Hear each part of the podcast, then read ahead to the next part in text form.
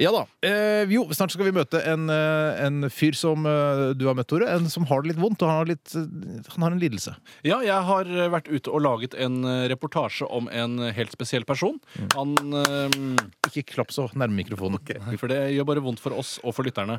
Men eh, det har seg sånn at han, har en, eh, han er musiker. Han spiller i et band som heter Miklagard, og han har gjort det helt siden ah, nå var det 1988 han begynte. Ja vel. Eh, og han har fått har dratt på seg en lidelse som følge av å ha drevet med den musikken han driver med. Det, nå, nå teaser du. altså Nå sier du Eller Du erter, sier da, A, som men du det sier ikke B, for at folk skal liksom fortsette å høre på. Det er korrekt. radioprogrammet. Og, og det kaller vi på radiospråket å tease det som skal komme etterpå. Altså man, man kiler folk litt på pungen, men man gir ikke en håndjobb, hvis du skjønner.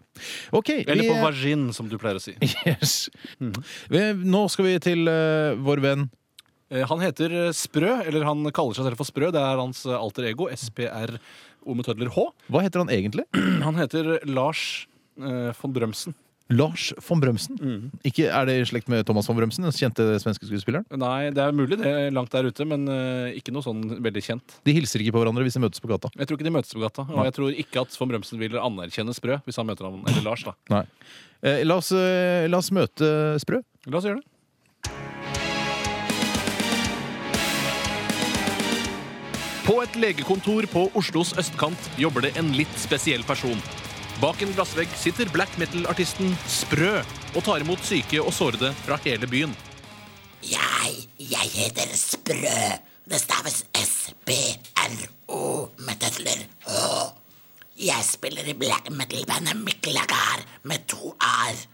I tillegg jobber jeg som legesekretær på legevaktbase Nord på Linderud senter i Oslo.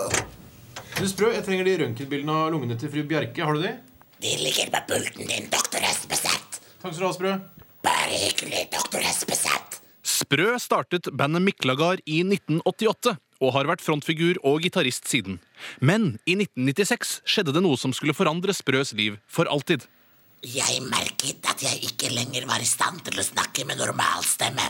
At jeg rett og slett hadde fått kronisk black metal-stemme.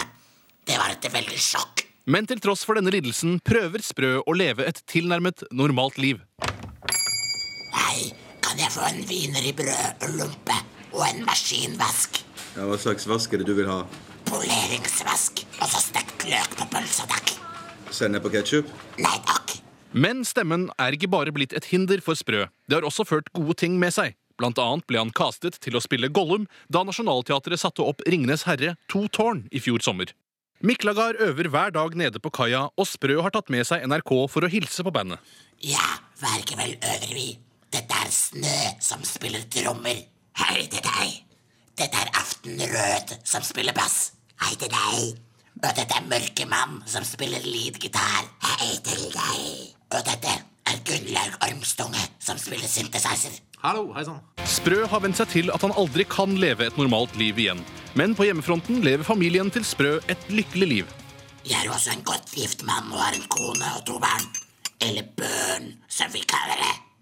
Vi lever et godt liv til tross for lidelsen min. Gjør vi ikke det, kjære? Ja, jeg elsker deg, Sprø.